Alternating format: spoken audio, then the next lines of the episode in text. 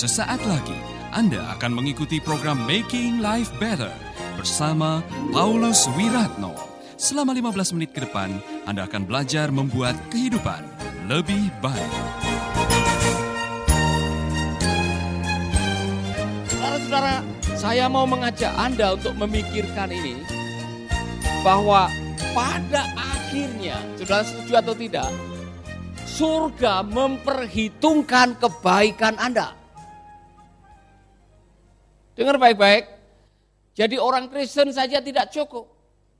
Dibaptis saja tidak cukup. Katam Alkitab tidak cukup. Ikut pemuritan, kelas, komsel, worship leader tidak cukup. Di ujung kehidupan kita ada dua kata yang diperhitungkan waktu masuk surga. Sabaslah hambaku yang yang pertama apa dulu? Yang baik dan setia. Tuhan Yesus pernah memberikan pengajaran mengenai ada orang yang lapar, waktu aku lapar kamu kasih aku makan, waktu aku telanjang kamu kasih aku pakaian, waktu aku di penjara kamu mengunjungi aku. Ada yang protes, kapan melihat kami kami melihat Tuhan dalam keadaan telanjang? Apa pun yang kamu lakukan untuk saudaramu yang terkecil, engkau melakukan untuk aku. Mengapa kebaikan itu imperishable. Karena memang kebaikan itu punya nilai kekal. Kebaikan saudara yang saudara lakukan, ada yang mengatakan begini, kebaikan yang dilakukan tanpa nama akan dikenang sepanjang masa.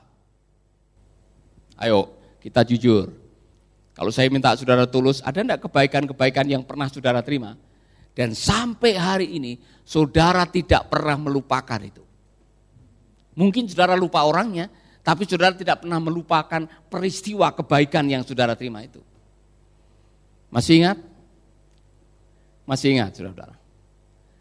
Haleluya. Saya tidak pernah akan melupakan orang yang pernah memberikan sponsor untuk saya sekolah Alkitab, untuk saya ambil S2 di Filipina. Saya tidak akan pernah melupakan peristiwa di mana ada orang yang memberikan saya sebuah sepeda waktu saya membutuhkan alat transportasi waktu saya ada di Malang dulu. Mungkin saya sebutkan namanya, Pak Pendeta Surono waktu itu murid saya.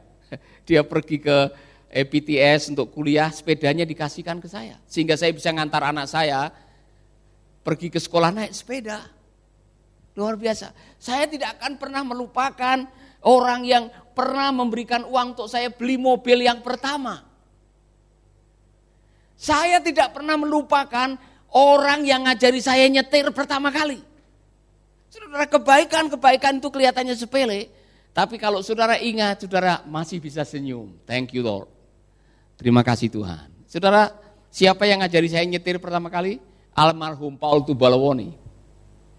Jadi saya beli mobil gallon yang sudah tua itu dari Jakarta, dia yang nyetir. Nah saya kan lihat dia kasihan. Dari Jakarta ke Malang kan jauh, saudara. Di tengah jalan di Tegal dia kelihatan capek. Bilang, ajari saya nyetir supaya saya bisa menggantikan kamu. Dia bilang, langsung bapak duduk sini, nanti saya kasih apa-apa. Jadi saya nyetir langsung di jalan besar. Luar biasa, saudara. Jadi jangan pernah meragukan kalau saya nyetir Ibu Paulus, saya latihan langsung di jalan besar. Makanya kalau nyetir sedikit kayak pembalap jangan ragu.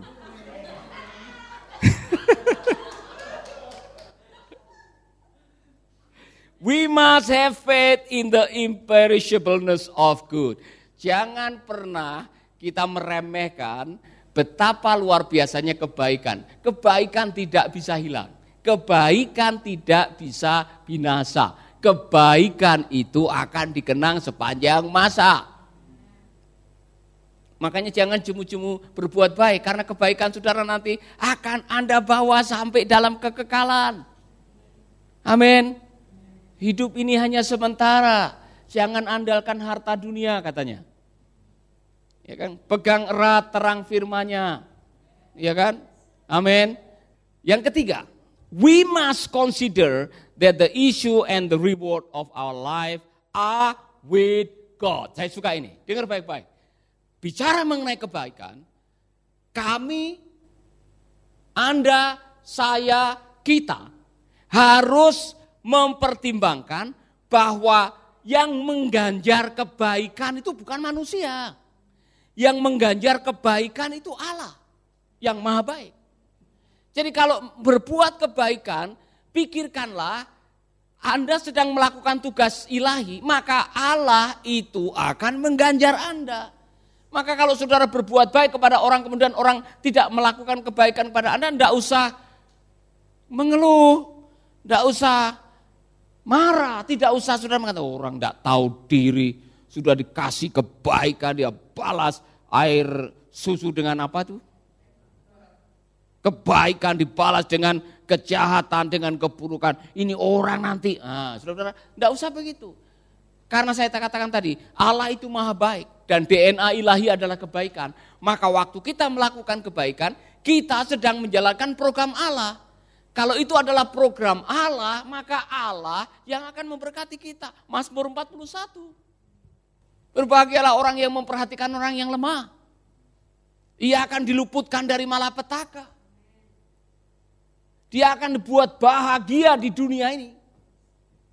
Bukan hanya itu, ada satu hal yang luar biasa. Kalau engkau sakit, dia akan menjadi perawat pribadimu katanya di dalam uh, Mazmur pasal 41. Kenapa Tuhan sampai menjadi perawat pribadi orang baik? Karena cara Tuhan membagikan kebaikan, melakukan kebaikan, selalu pakai orang baik. Katakan kepada temanmu lagi, jangan jemu-jemu ini. Jangan jemu-jemu berbuat baik. Amin. Haleluya. Saya mau tanya, kapan terakhir kali saudara berbuat baik? kapan terakhir kali saudara melakukan sesuatu yang setelah saudara melakukan ada sukacita, ada semangat, ada passion, ada gairah luar biasa. Anda masih bersama Paulus Wiratno di Making Life Better.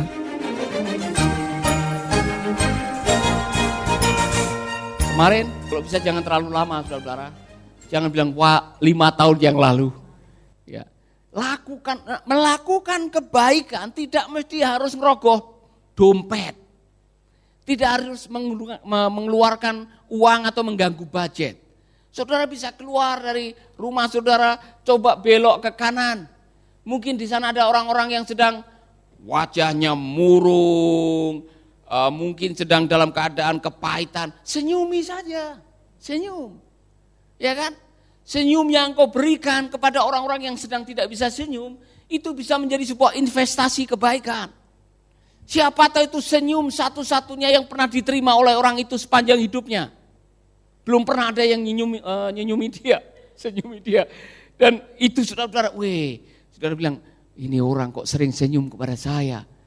Ya kan? Dan dia tidak tahan senyumnya. Luar biasa saya diberkati dengan senyum orang itu. Jangan tangguh tersenyum. Amin. We are, dengar baik-baik, ini bagus sekali.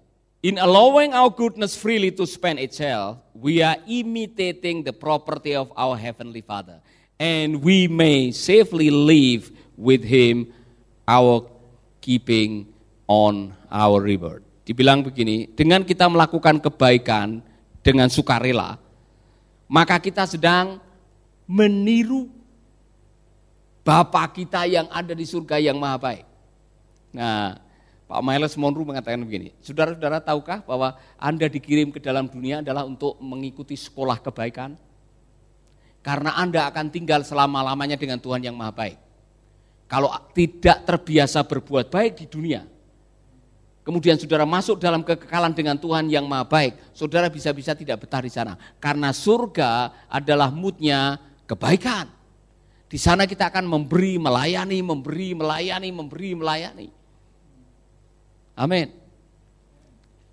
Sekarang perhatikan, tadi ada wimas, ada wimas tiga, sekarang ada wimas uh, ada tambahannya saudara-saudara, dan dikatakan di sini, true goodness is above the tyranny of minute, maxim, and rule.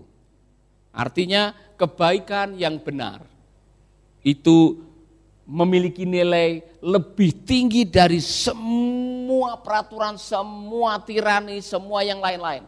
Maka ketika saudara melakukan kebaikan dengan tulus, Saudara sedang melakukan sebuah tindakan yang memiliki nilai tinggi di surga. Makanya Tuhan Yesus mengatakan, kamu tahu di dunia ini ada hukum apa? Gigi, gigi ganti gigi. Mata ganti mata. Tapi aku yang datang dari surga, kasih tahu, kasihlah musuh. Nilainya lebih tinggi daripada hukum yang ada di dalam dunia ini. True goodness often secure a grateful return of favor. Kebaikan yang dilakukan dengan ketulusan itu menghasilkan return, membawa dampak balik yang luar biasa. Kalau tidak percaya, mari kita membaca Yesaya 58. Saya mau mengajak saudara-saudara membaca Yesaya 58. Dan ini diucapkan dengan uh, lebih terperinci mulai pasal yang ketiga Ya, ayat yang ketiga, pasal 58 ayat 3. Dikatakan seperti ini. Bangsa itu bertanya, apa gunanya berpuasa kalau Tuhan tidak melihat? Apa gunanya kita merendahkan diri kalau ia tidak memperhatikan? Tuhan berkata, sesungguhnya sementara kamu berpuasa, kamu mencari keuntungan sendiri dan memeras orang-orang upahan. Jadi Tuhan sedang menegur umat Israel, khususnya para pemimpin ini para imam, para pemimpin yang kelihatan di luar sangat sibuk ritual, termasuk puasa dan sebagainya. Tetapi ditolak oleh Tuhan. Mengapa Tuhan menolak? Karena ritual agamawi yang dilandasi untuk mendapatkan keuntungan pribadi itu bukan investasi. Bangsa itu bertanya, apa gunanya berpuasa kalau tidak terlihat Tuhan? Atau Tuhan tidak melihat. Apa gunanya kita merendahkan diri kalau ia tidak memperhatikan? Tuhan berkata, sesungguhnya sementara kamu berpuasa, kamu mencari keuntungan sendiri dan memeras orang-orang upahanmu. Apa gunanya Anda beribadah? Apa gunanya Anda membaca Alkitab, melayani, terlibat dalam segala aktivitas gerejawi, tetapi di balik itu ada unsur keuntungan pribadi. Bahkan ada unsur memeras orang. Dan ini bisa terjadi kepada siapa saja, saya dan saudara-saudara bisa melakukan ini. Tuhan menegur kita, maka Tuhan mengatakan gini, Sementara berpuasa kamu berbantah dan berkelahi dan bertindak dengan kekerasan. Sang kamu cara kamu berpuasa menggerakkan aku untuk mendengarkan doa-doamu? Apabila kamu berpuasa, kamu menyiksa dirimu kamu menundukkan kepalamu seperti daun rumput. Kamu membentangkan kain karung dan menaburkan abu dan berbaring di atasnya. Itukah yang kamu sebut puasa? Tuhan marah ini. Sang kamu aku akan senang dengan perbuatan itu. Inilah puasa yang ku kehendaki. Lepaskan belenggu penindasan dan be beban ketidakadilan. Dan bebaskan orang-orang yang tertindas. Bagilah makananmu dengan orang yang lapar Terimalah orang-orang gelandangan di rumahmu. Berilah pakaian kepada orang telanjang. Dan jangan menolak saudaramu yang perlu ditolong. Sahabat, Anda baru saja mendengarkan Making Life Better bersama Paulus Wiratno.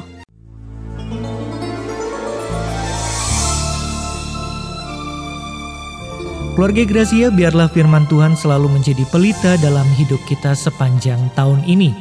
Dengarkan selalu radio Suara Gracia di 95,9 FM, streaming di suaragratiafm.com streaming atau dengan aplikasi Android Radio Suara Gratia yang tersedia di Play Store. Jika Anda diberkati oleh siaran suara Grasi FM dan mengalami kuasa mujizat Tuhan, mari menjadi berkat dengan mengirimkan kesaksian ke WhatsApp Radio Suara Grasi FM di 0817 222959.